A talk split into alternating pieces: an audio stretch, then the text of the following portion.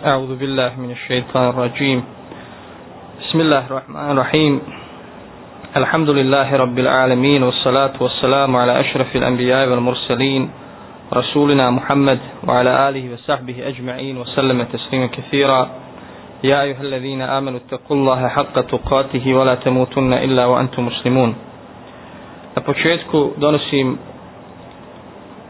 hvalu i zahvalu svevićem gospodaru svjetova e, našem stvoritelju i donosim salavat na poslanika Muhammeda sallallahu ta'ala alaihi wasallam. Kao što je već najavljeno, jeli, večeras uz ovo skromno prisustvo, jel vaše, e, govorit ćemo ako Bog da te, na temu neorganiziranost vremena, odnosno govorit ćemo općenito o vrijednosti i značaju vremena u životu čovjeka kažem čovjeka jer ne odnosi se to samo na muslimana nego i na nemuslimana, e, o značaju e, organiziranosti vremena, racionalnom korištenju vremena, e, pa se postavlja pitanje zašto je odabrana ova tema, zašto je značajno govoriti o ovoj temi, pa ću navesti nekoliko razloga koji ukazuju na značaj ove teme E, prvi razlog je što većina ljudi, ja govorim danas znači prije svega o muslimanima, većina muslimana e, ne vodi računa o svome vremenu, nema organiziran život i to je svakako jedan od razloga ovakvog stanja u kojem se nalazi općenito u svijetu. Znači, općenito, općenito jedna neorganiziranost koja vlada kod muslimana, nije samo u pitanju vrijeme, e, utiče na ovakvo stanje u kojem se muslimani danas nalazi. Drugi razlog e, zbog kojeg sam odabrao da govorim o ovoj temi jeste da je jedna velika istina da je vrijeme prolazno i da je ono ograničeno, da ono ne stoji, da prolazi. Iako ljudske aktivnosti mogu stati vrijeme, ne ono prolazi. Također, Vrijeme je to što ograničava naš život, jer mi znamo da je naš život ovo dunjalučki ograničen onim što se zove vrijeme, znači to naše vrijeme je ograničeno. Čovjek ima svoj početak svoga života i kraj, njegov kraj poznat samo uzvišenom Allahu. Znači mi smo ograničeni na ovome svijetu, e, ne možemo zaustaviti svoj život, svoje vrijeme, da bi se odmorili i da bi uzeli daha jel, za za nove podvige i tako dalje. Isto tako govoriti o vremenu je bitno zbog toga što su kuranski ajeti koji govore o značaju vremena i hadisi poslanika ali salatu wasalam, koji govore o tome su mnogobrojni. Pa ćemo navesti jel, samo neki od njih poslije.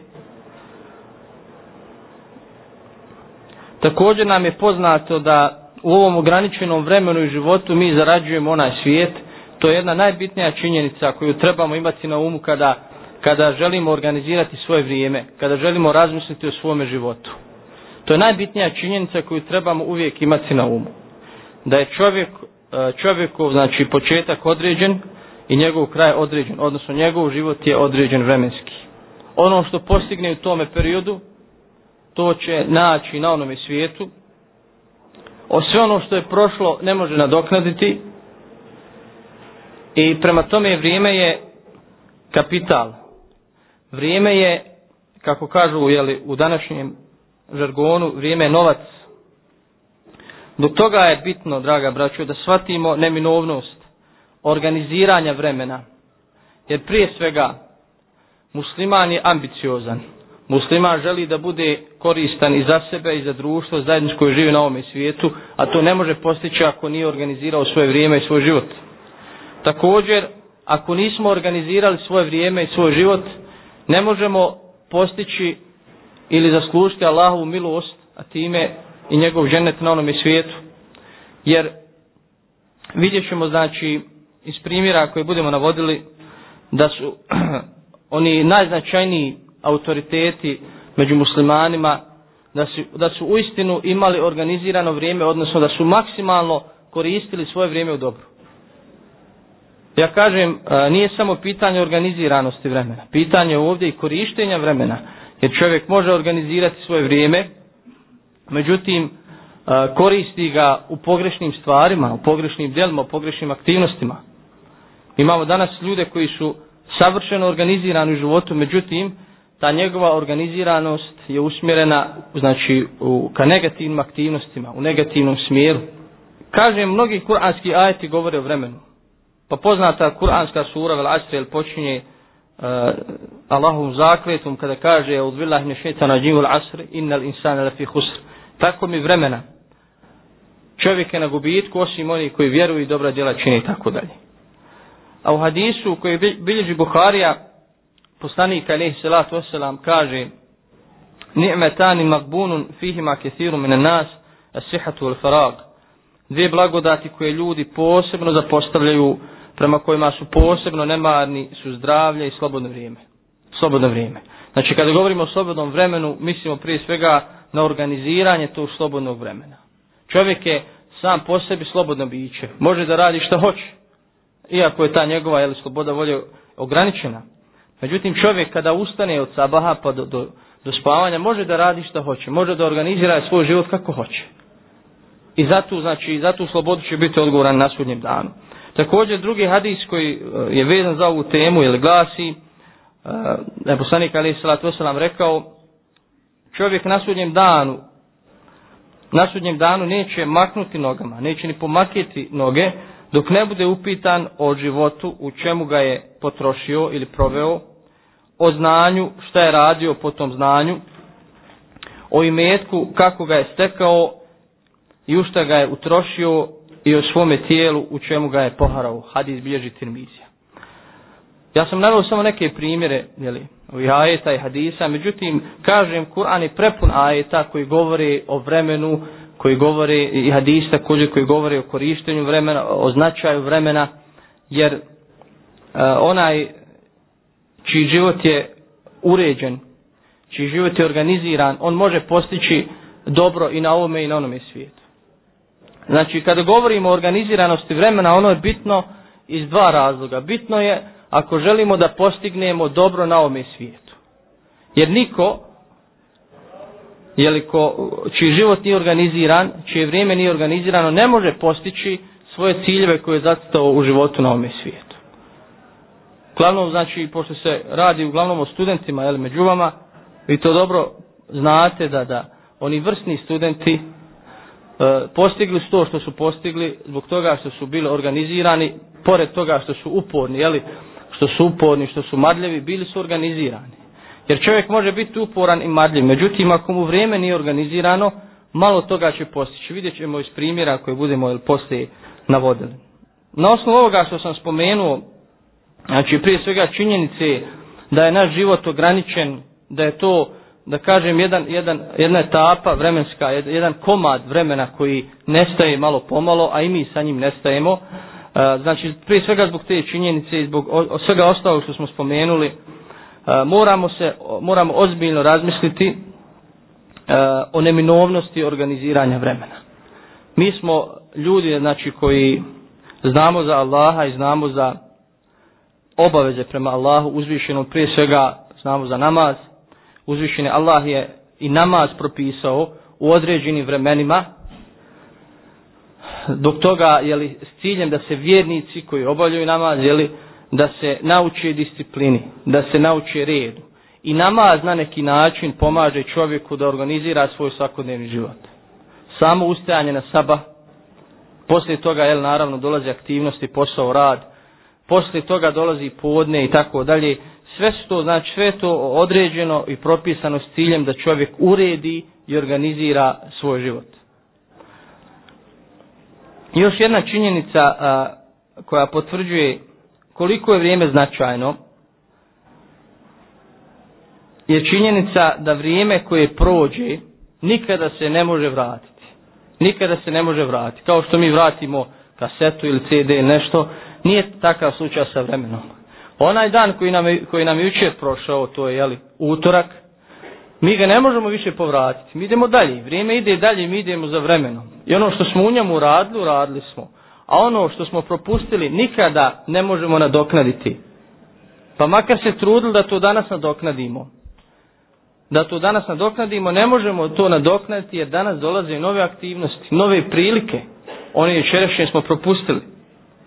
U mnogim kuranskim ajetima uzvišen Allah kada govori o nevjernicima i griješnicima i njihovom stanju kada dođu na sudnji dan i budu svjesni istine, više gotovo je, završili život, isteklo vrijeme, jeli? E, oni će tražiti od Allaha i kajat će se, žestoko će se kajati i tražit će od Allaha da ih vrati. Da vrati da čine dobro djela. Kajat će se da smo Bog doslijedili poslanika. Svjesni da su protračili tu priliku i to je velika istina. Ko je svjestan, duboko svjestan te istine, on je postigao veliko dobro. Da čovjek ima samo jednu priliku, jedan život. Nema povratka. Znači, e, mnogi kuranski ajat koji govore o tome da će se nevjernici prije svega kajati za to protračeno vrijeme što su slijedili svoje glavešine, što su slijedili svoje strasti, udovoljavali svojim strastima, nisu radili kako treba. Pa jedan od tih kuranskih ajeta glasi od Nešeta na džim, وأنفقوا مما رزقناكم من قبل أن يأتي أحدكم الموت فيقول ربي لولا أخرتني إلى أجل قريب فصدق وأكون من الصالحين Mnogi iz kuranske ajati na, na, u ovoj formi. Kaže, i udjeljujte od onoga čime vas mi obskrbljujemo. Allah nas upozorava, podsjeća nas, prije, znači opet se radi o vremenu, dok ne istekne vrijeme, prije nego nekome od vas smrt dođe. To je kraj, isteklo vrijeme pa da onda ne rekne gospodaru moj da me još samo kratko vrijeme zadržiš, to jest na dunjalku ili u životu, pa da milostinju udjeljujem i da budem dobar. Ali nema, to je Allahov, to je Allahova odredba, pravismoska odredba. Nema povratka. Nema povratka, ne može ovdje, nema izuzetaka. Allah nikada nikome neće dati izuzetak da ga vrati. Kaže, evo, pošto ovaj bio u posebnim okolnostima u životu, njega ću vratiti, nema. Nema vraćanja niko se neće vratiti kada umre i niko neće imati dvije ili tri prilike, samo jednu priliku. Zbog toga je vrijeme bitno i zbog toga ono što se zove odgađanje, te svih ili šetanski posao je opasno po čovjeka. Ne samo znači e, u pitanjima vjere, nego u pitanjima ovo znači poslova i aktivnosti. Svako odgađanje, znači ako nema razloga, zato je negativno i pogubno za čovjeka zbog toga što se ne može vrijeme zaustaviti. Jedne prilike navodi se da je jedan za vrijeme prvih generacija muslimana od Selefa došao u jednom učenjaku i kazao mu, traži od njega da odvoji za njega vremena, da porazgovara sa njim ili da mu postavi određena pitanja, on mu kaže može ako, ako sunce zaustaviš.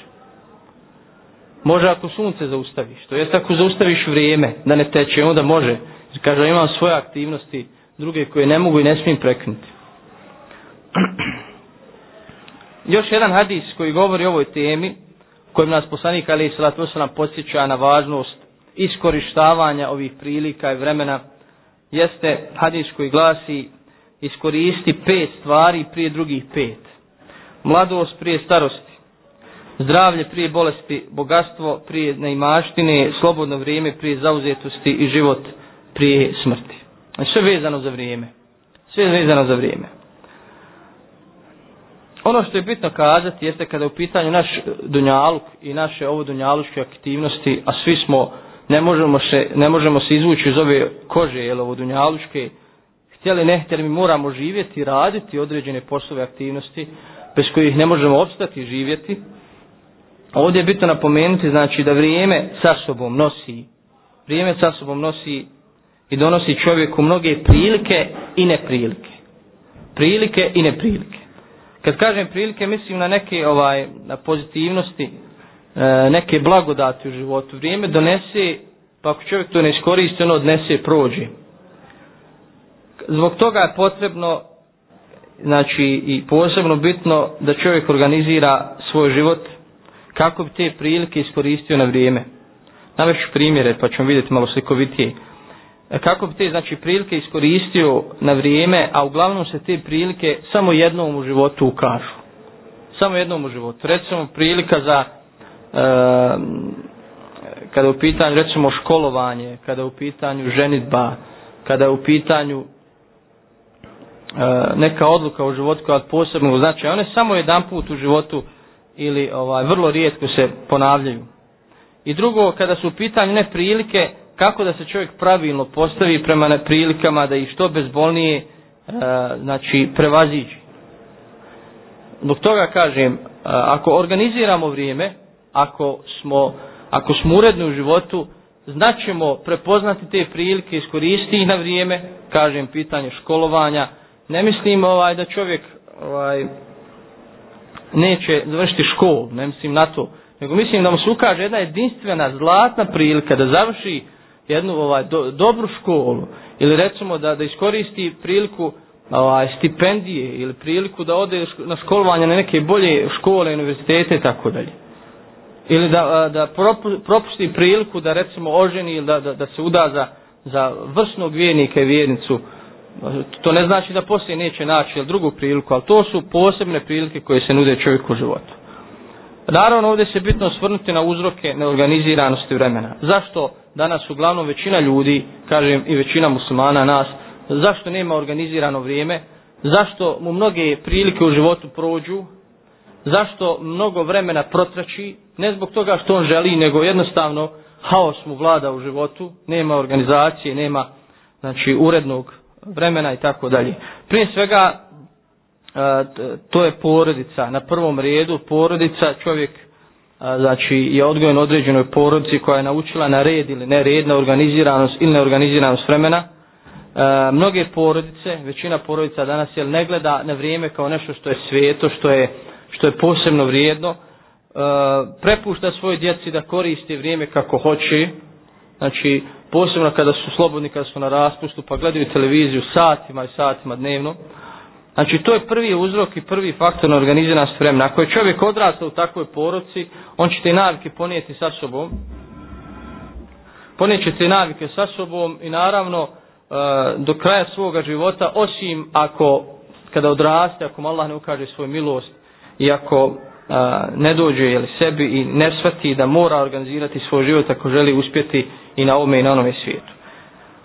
Vidjet ćemo kada su u pitanju posljedice neorganiziranosti vremena, o njima ćemo kasnije govoriti malo opširnije, kažem, jedna, jedne posljedice se vežu za ovo ovaj dunjaluk, ovo dunjalučki život, a druge posljedice koje su jeli, pogubnije vežu se za hiret. Isto tako društvo.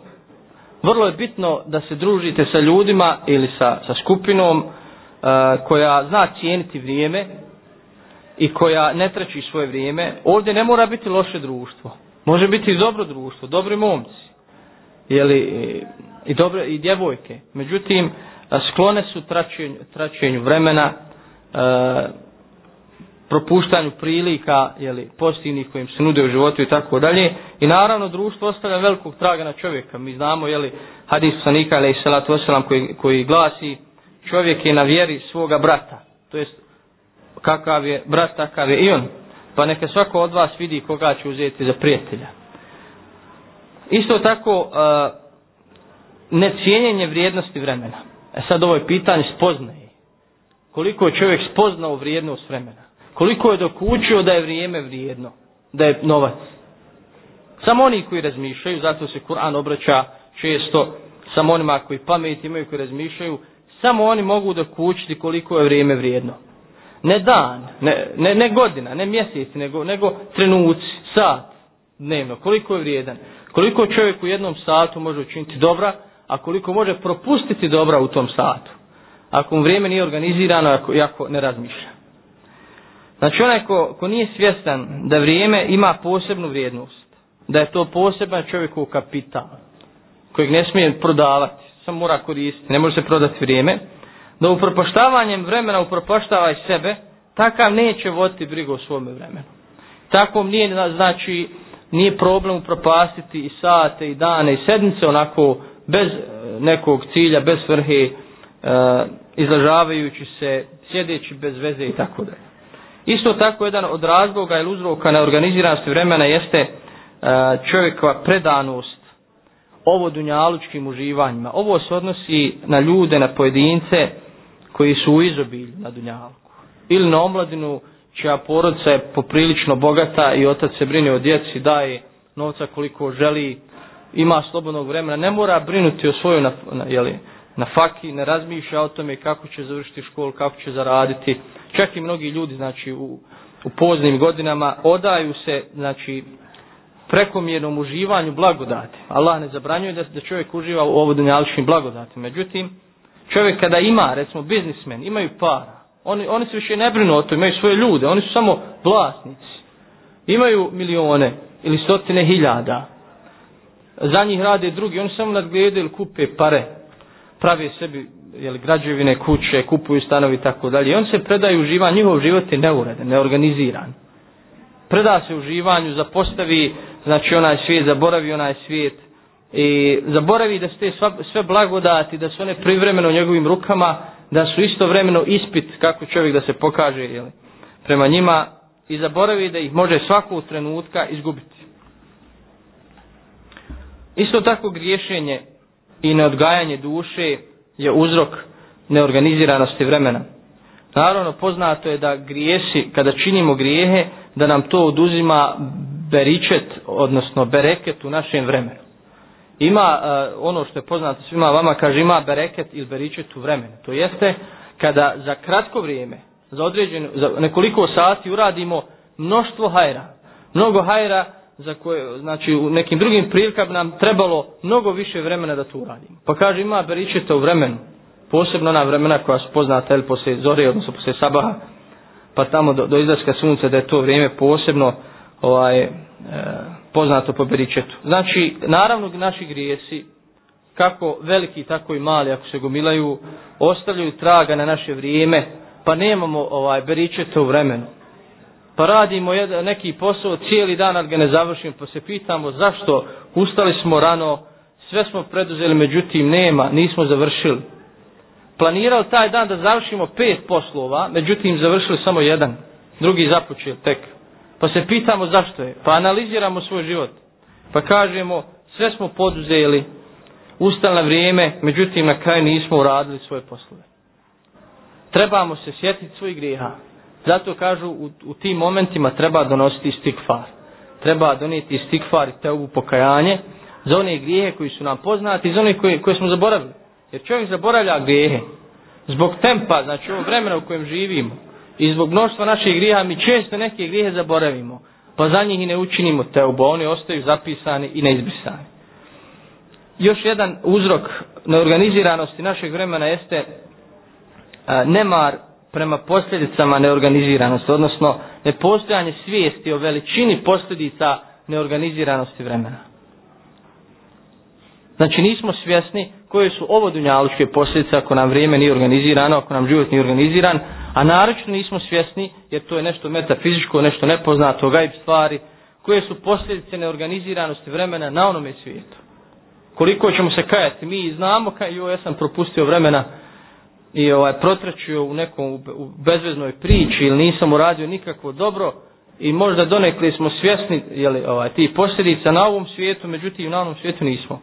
Tek ćemo biti svjesni kada dođemo, kada budemo proživljeni, na onome svijetu pred uzvišenom Allahom subhanu wa ta'ala, kada nam se pokažu naša djela, pa kada vidimo šta toga nismo učinila, mogli smo, pa kada vidimo koliko nam je svako djelo bitno i koliko će nam biti bitno na onome svijetu, pa makar bilo kao zrno gorušice, onda ćemo biti svjesni posljedica neorganiziranosti i neiskorištenosti ovog života, odnosno vremena. Ja kažem, E, ono što se traži od svakog vjernika jeste da koristi racionalno svoje vrijeme i u korisnim stvarima. I mi smo svjesni toga i to priznajemo i trudimo se. Međutim, to ne možemo postići ako nam život nije organiziran, ako nemamo svakodnevne planove. To ne možemo postići bez ovih svakodnevnih planova. To jeste znači razlog što govorimo o važnosti i neophodnosti organiziranja vremena. Također od uzroka neorganiziranja vremena jeste ulazak u poslove bez planiranja i bez organiziranja. Znači svaki posao, bez obzira bio on mali ili veliki, zahtjeva pripremu, zahtjeva organiziranje. I ako mi ulazimo u posao neorganizirani, nepripremljeni, taj posao će nam se znači, razvući, e, nećemo uspjeti na vrijeme da ga dovršimo, dolaze drugi poslovi, nagomilavaju se i onda to znači zbunjuje čovjeka, ne može da stane i na noge, ne može da napravi sebi red, sve zbog neorganiziranosti našega vremena. E, kada je u pitanju e, ovo dunjalički uspjeh, ovdje je posebno bitno istaknuti, pošto se uglavnom radi o studentima, vama kao studentima, da je posebno ovaj, bitno i značajno organizirati vrijeme e, kada je u pitanju učenje, kada, je u pitanju polaganje ispita, kako pismeni, tako i usmeni jer e, čovjek propušta te prilike, propušta rokove, kažem, gomilaju mu se ispiti kao i u ovom primjeru poslova, e, postaje nervozan, ne može da stigne više ni psihički ni fizički. Jer ima, ako, ako je organizirao vrijeme, pa ispite učio na vrijeme, stvari, e, učio materiju na vrijeme, pripremao ispite na vrijeme, on će to na vrijeme i riješiti. Međutim, ako je to odgađao, činio svi, onaj šetanski, šetan to odgađao, ti možeš ti to poslije, onda će doći u situaciju kada, li, kada se gradivo gomila, kada sve manje rokova ima i tako dalje i mnogi studenti zbog toga odustaju od fakulteta, više ne mogu da podnesu taj pritisak, odustaju i ne završavaju. Završi godinu dvije ne može više, jeli, i odustaje. Znači, na Dunjalku vidimo posljedice neorganiziranosti vremena kada je u pitanju, jeli, škola i studiranje. Što se tiče posljedica neorganiziranosti našeg vremena, one su mnogobrojne i kažem, vežu se i za ovaj dunjaluk i vežu se za hiret. E, neke ovo dunjalučije posljedice, posljedice smo spominjali i navodili e, i kažem one su mnogobrojne, a ahiretske su, ahiretske su još ovaj, teže i pogubnije za čovjeka. Prije svega što su one vječne i što nisu nam poznate. Mi na ovom dunjaluku možemo predviditi, na osnovu našeg iskustva posljedice neorganiziranosti i neiskorištavanja vremena. Međutim, na onome svijetu to ne možemo. Možemo samo otprilike, međutim, veličinu, veličinu tih posljedica na onome svijetu ne možemo zamisliti. Ne možemo zamisliti. Jer na ovome svijetu, kakva je razlika između posljedica e, neorganiziranosti vremena na ovome svijetu i onom svijetu. Razlika je u tome što se ponekad na ovome svijetu te greške i propusti mogu ispraviti. Mogu se ispraviti. Čovjek ako propusti nešto danas, da bi to stigao recimo sutra ili poslije ili da bi ispravio donekli treba uložiti više truda, treba se više potruti da bi ispravio tu grešku. Međutim, na onom svijetu, kao što vidimo i kao što smo vidjeli iz prethodnih ajeta, nema popravki. Nema popravki. I vjerujte da će najveće kajanje oni koji su uh, protračili svoj život i svoje vrijeme, da će biti najveće kajanje na onome svijetu. Na ovom svijetu čovjek izgubi mnoge prilike. Malo se kaje, mjesec, dva godinu i zaboravi to, ide dalje živi. Međutim, na onome svijetu to će kajanje biti vječno, nepopravljivo. Prva posljedica neorganiziranosti vremena i ona je najpogubnija jeste upropaštavanje života. Propaštavanje bi života bez ikakve koristi ili sa nekim neznatnim koristima. Onaj čovjek koji čitavo vrijeme, čita svoj život nije imao organiziran, organizirano vrijeme, nije postigao ono što je trebao, ni na Dunjalku, ni, ni za Ahiret, on je upropastio svoj život, svoj priliku. I najveća, kažem, najveća tragedija i katastrofa je u tome što čovjek to ne može vratiti. Ne može vratiti. Također, od posljedica neorganiziranosti vremena jeste strah i duševna uznemirenost onaj ko nije organizirao svoj život i svoje vrijeme, neće biti u stanju da odgaja i čisti svoju dušu i posljedica toga je znači e, duhovna smrt i uznemirenost. Onaj čovjek ili ona osoba koja nema e, uredan život, koja nema organiziran život, organizirano vrijeme, mnogo toga će protračiti propustiti u životu i naravno vidjet će da, da je došao u čorsokak da, da se zagribio živo blato do, do grla i da više nema povratka ili da je povratak veoma težak, tada vidi da je veliki gubitnik još na ovome svijetu, ništa nije uradio, ništa nije postigao. Vi možete naći primjera u životu jeli, oko vas, porazgovarati s ljudima i oni će vam priznati. Priznati, posebno ljudi koji su odali alkohol, koji svoje ostatke svoga života provode u kafani, da, da, je, da je baš ovaj neuspjeh u životu, zbog neiskorištavanja tih prilika doveo u kafan, da traži utjehu u alkoholu i tako dalje. I on će priznati, ja sam protračio život, u čemu sam ga protračio, imam 50 ili 60 godina, ništa nisam postigao, niti kakve škole završio, niti kakvu posla radio, niti porodicu zasnovao, niti ostavio potomke iza sebe, niti kakvu hajra ostavio. I to je znači posljedica ovaj, neorganiziranosti vremena i života. Također, od posljedica jeste i poniženje i potlačenost na dunjalku. Jer onaj koji dođe u ovakvo stanje, takvog niko ne voli niti želi. Takav nigdje ne može naći mjesta ni u kakvom društvu, osim onom pokvarenom, jeli? nikoga neće prihvatiti da radi kod njega, nikoga ne cijeni. Svi ga omalovažavaju. To su ljudi koji su, znači, upropastili svoj život na ovome svijetu. I posljedica koja je vezana za onaj svijet koji smo malo prije spominjali jeste propast, ona prava propast i kajanje na sudnjem danu.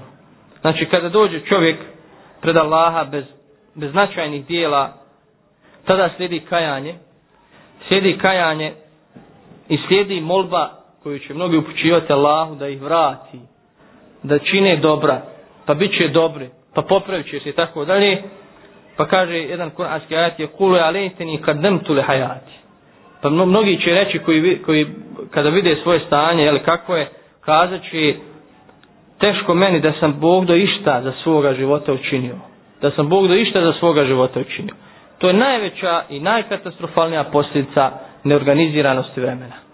Ja kažem, ako pogledamo na stanje ljudi ili džamijskih ljudi ili oni muslimana koji znaju koliko toliko za Allaha, vidjet ćemo i da je kod njih stanje malo zabrinjavajuće, da, da malo ko ili malo je oni koji imaju uistinu uredan život, organizirano vrijeme, koji ostvaruju svoje zadatke na vrijeme, svoje ciljeve u životu na vrijeme, koji uveliko vode brigu o svome vremenu.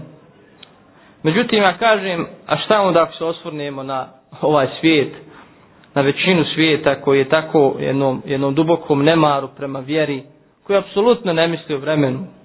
O, apsolutno ne misli o ovome što mi, o čemu mi, mi večeras govorimo.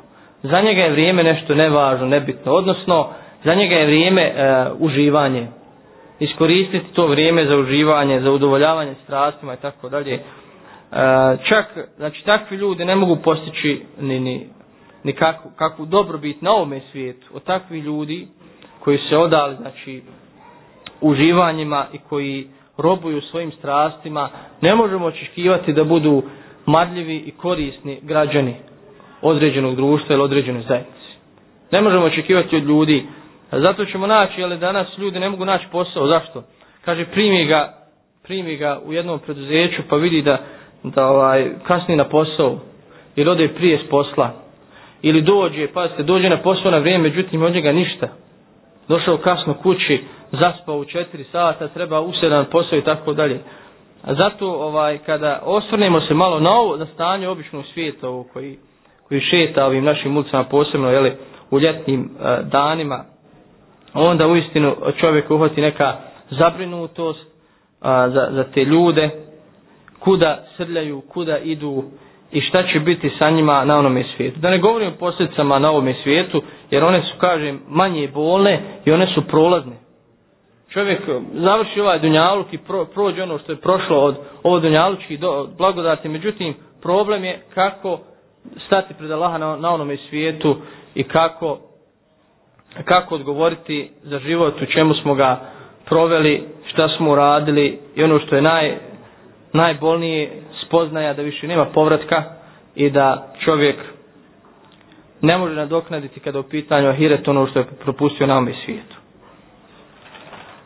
Naravno, e, ovdje ćemo večeras i na kraju spomenuti u čemu je lijek, to jeste kako popraviti stanje. Mi govorimo o našem stanju, e, može čovjek biti djelomično zadovoljan sobom i svojom organiziranošću vremena, međutim trebamo se podsjetiti na neke činjenice koje će nam pomoći da popravimo naše stanje, da organiziramo vrijeme. Prije svega bitno je da stvorimo uvjeđenje da je vrijeme kapital na Dunjalku. Da je to najveći kapital, da novac ne vrijedi odnosno na vrijeme. Jer vrijeme se ne može kupiti, ne može se prodati. Moramo biti ubjeđeni znači, u tu činjenicu da je, da je vrijeme kapital kojeg, kojeg mi imamo, svako ima svoj kapital onoliko koliko mu određeno i da ga treba koristiti u hajru, naravno u hajru a ne možemo to iskoristiti ako nemamo organizirano vrijeme, organiziran život. Znači da je nemar prema vremenu propast i neuspjeh i na Dunjaluku i na Ahiretu. Da je nemar prema vremenu neiskorištavanje vremena, jer evo mi smo od recimo prije neki pola sata i malo više ovaj, počeli s ovim predavanjem i svaki, svaki naš moment i svaki naš sat u našem svakodnevnom životu treba da bude iskorišten u hajru. Trebamo razmišljati o tome unaprijed. Jer nije e, ovaj, dobro da, da razmišljamo o tome pred sami, li pred sami taj sat koji slijedi, nego prije da napravimo raspored u svome životu.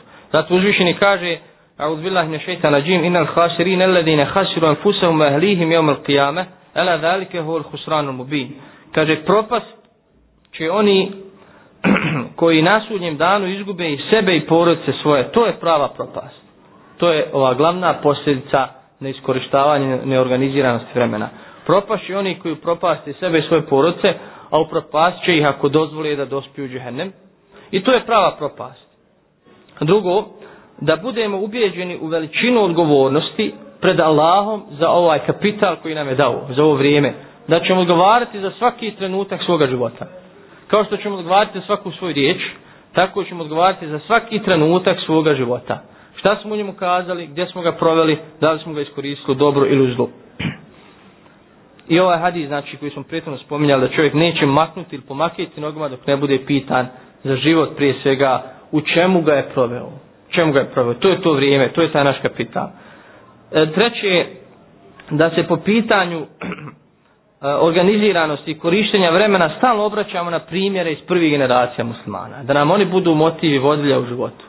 Ne da gledamo primjer na, u ovom svijetu, jer on će nas zavesti. Danas vladaju druga mjerila, drugi principi. Ako, ako gledamo da, da, današnji primjer, oni će nas zavesti. Danas je normalno da čovjek provodi sate i sate pored televizije, da provodi sate i sate jeli, u društvu, onako uz, uz, uz kako kažu, šuplju priču i tako dalje. E, pa ćemo navesti neke primjere da nam budu jeli, ovaj, kao vodilja u svemu tome, a imamo u knjigama koje su prevedene na naš jezik ima mnošta tih primjera koji govore kako su prve generacije organizirale svoje vrijeme, kako su shvatali važnost i značaj vremena i koliko se trudila to vrijeme iskoriste dobro. dobru. Pa ćemo primjer kaže žena od Šihaba Zuhrija, poznatog muhadisa, mi smo ga spominjali ovdje na onom kursu, on je začetnik zapisivanja poslanika i hadisa, ako se sjećate. Kaže, ona se žalila jeli, koliko je njen muž vezan za knjigu. Tj. koliko je bio vezan za knjigu, za čitanje, izučavanje knjiga i koliko se, je združi s knjigom i jedne je prilike kazala, tako mi Allaha, kaže, ove knjige su mi gore i teže od tri inoće. To jeste, gore mi je nego da imam još, ovaj, još da, da ima još tri žene. Gore su te knjige, koliko je vezan za njih, nego da ima još tri žene da je Što nije slučaj danas, jeli, sa ženama. Danas bi žene ovaj, prihvatile da je muže posuno čitaju knjige samo da se ne ženi. Drugi primjer je e, poznatog isto islamskog učenjaka El Munzirija, kaže o njemu El Muradi, kaže, stalno je, kaže, radio i noću i danju. Stalno je radio, kaže, bio sam u komšija u Kajru 12 godina, kad god bi se probudio noću, kaže, ja sam stanovao ispod njega, e, i pogledao u njegovu sobu, vidio bih da mu upa, upaljena lampa. Čitao je, kaže, čak, čitao je i za jelom. Kada bi jeo pored sebe knjigu i čitao bi usput. Treći primjer je Abdurrahman ibn Tejmije, kaže, kazuje da je njegov djet kada bi uđi u, u ovaj, nužnik, govorio bi svome sinu, odnosno njegovom ocu, čita mi iz te i te knjige i podigni glas da te čujem. Čak i to, i to znači vrijeme e, znači vršenja nužde prirodne je koristio da nauči nešto novo. Znači to je opet znači ide u prilog tom organiziranju vremena. Isto Ibn Kajim, poznato Ibn Kajim da je e, svoju knjigu, poznatu knjigu Zadul Me'ad, koja je prevedena u skraćenoj verziji na naš jezik, da je napisao na putu za hač. Na putu za hač. Znači na, na devi su putovali tada, pisao je knjigu, napisao ovaj, na putu za hač.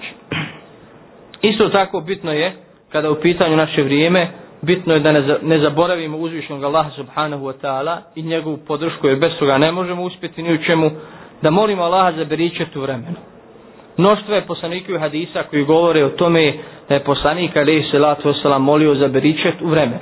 To jeste da ako imamo dva sata slobodnog vremena, da imamo u njima veliki beričet, znači kao da imamo deset, deset sati slobodnog vremena. E, zato je poslanik alaih salatu wasalam kazao u jednom hadisu, Allahu moj podari, podari mome umetu beričet u ranom ustajanju. Fibu kureha, u ranom ustajanju. To je, I ta dova je uslišana ta dova je uslišana poslanika ali i salatu Znači najveći beričet u vremenu je vrijeme zori pa do izlaska sunca. Vrijeme zori pa do izlaska sunca kada čovjek musliman može uraditi toliko hajra kojeg ne može uraditi za cijeli dan. Mi smo vjerovatno svi od nas doživljavali, imali priliku da iskoristimo ponekad to vrijeme u učenju ili u nekom poslu ovaj, i uvjerili smo se u to da čovjeku je E, bitnije i beričetnije da iskoristi dva sata poslije recimo sabaha da uči nešto radi nego da, da ovaj, pet sati poslijepodne da radi. Znači inače taj beričet se ne protiže samo do izlaska sunca nego čak i do predpodne sat dva do podne. To je to vrijeme znači duha, duha namaza. I na kraju e, ono što nam pomaže jeste da budemo skromni u dunjaluku i da više težimo za hiretom, tada ćemo biti svjesniji značaja našeg vremena, odnosno našeg, našeg kapitala života koji nam je podaren i tada ćemo biti marljiviji kada je u pitanju organiziranje tog vremena i korištenje tog vremena. Posebno kažem da je bitno ovim vremenima kada su muslimani potlačeni, kada su slabi, a ako želimo isplivati na površinu, ako želimo vratiti e, dominaciju i e, prvenstvo i vojstvo u svemu, kao što smo, nekad imali, kao što smo nekad to imali, trebamo biti najorganizovaniji, trebamo biti najmarljiviji, trebamo najviše cijeniti svoje vrijeme, kao što to danas radi zapadnjaci, ne muslimani. Ono što su oni postigli, taj napredak koji su postigli u nauci, u tehnici, u svemu drugom, postigli su baš, baš zbog ovoga o čemu mi govorimo. Zbog organiziranosti svoga vremena, zbog marljivosti i zbog cijenjenja svog vremena. Zato ćemo vidjeti ovaj, danas, a, koji imao priliku možda se susretni nekad sa tim sa biznismenima sa zapada ili ovaj, sa političarima, vidjet ćemo da oni uistinu cijene svoje vrijeme. Da imaju organiziran, svaki dan organiziran, unaprijed, da ako hoćeš da sjedne, sjediš s nekim od takvih ljudi i kaže dođe, dođemo u 1.15, tačno 1.15, i imaš do, do pola dva, imaš 15 minuta sa njim. I, znači, to je primjer kako da se postigne ovaj, prosperitet i napredak na ovome svijetu i kako da na onom svijetu zaradimo Allahu milost i Allahu džennet. Molim uzvišnog Allah subhanahu wa ta'ala da nas učini od onih vjernika koji znaju cijenti vrijeme, koji znaju cijeniti tu Allahu blagodat, da, nas, da nam podari beričet u našem vremenu, e, da ga iskoristimo u hajru i da nas sačuva toga da protrećimo vrijeme onome što nije dobro. Kulu kavli hada, wa li wa lakum innehu huval gafur rahim da vas Allah nagradi za strpljenje i slušanje.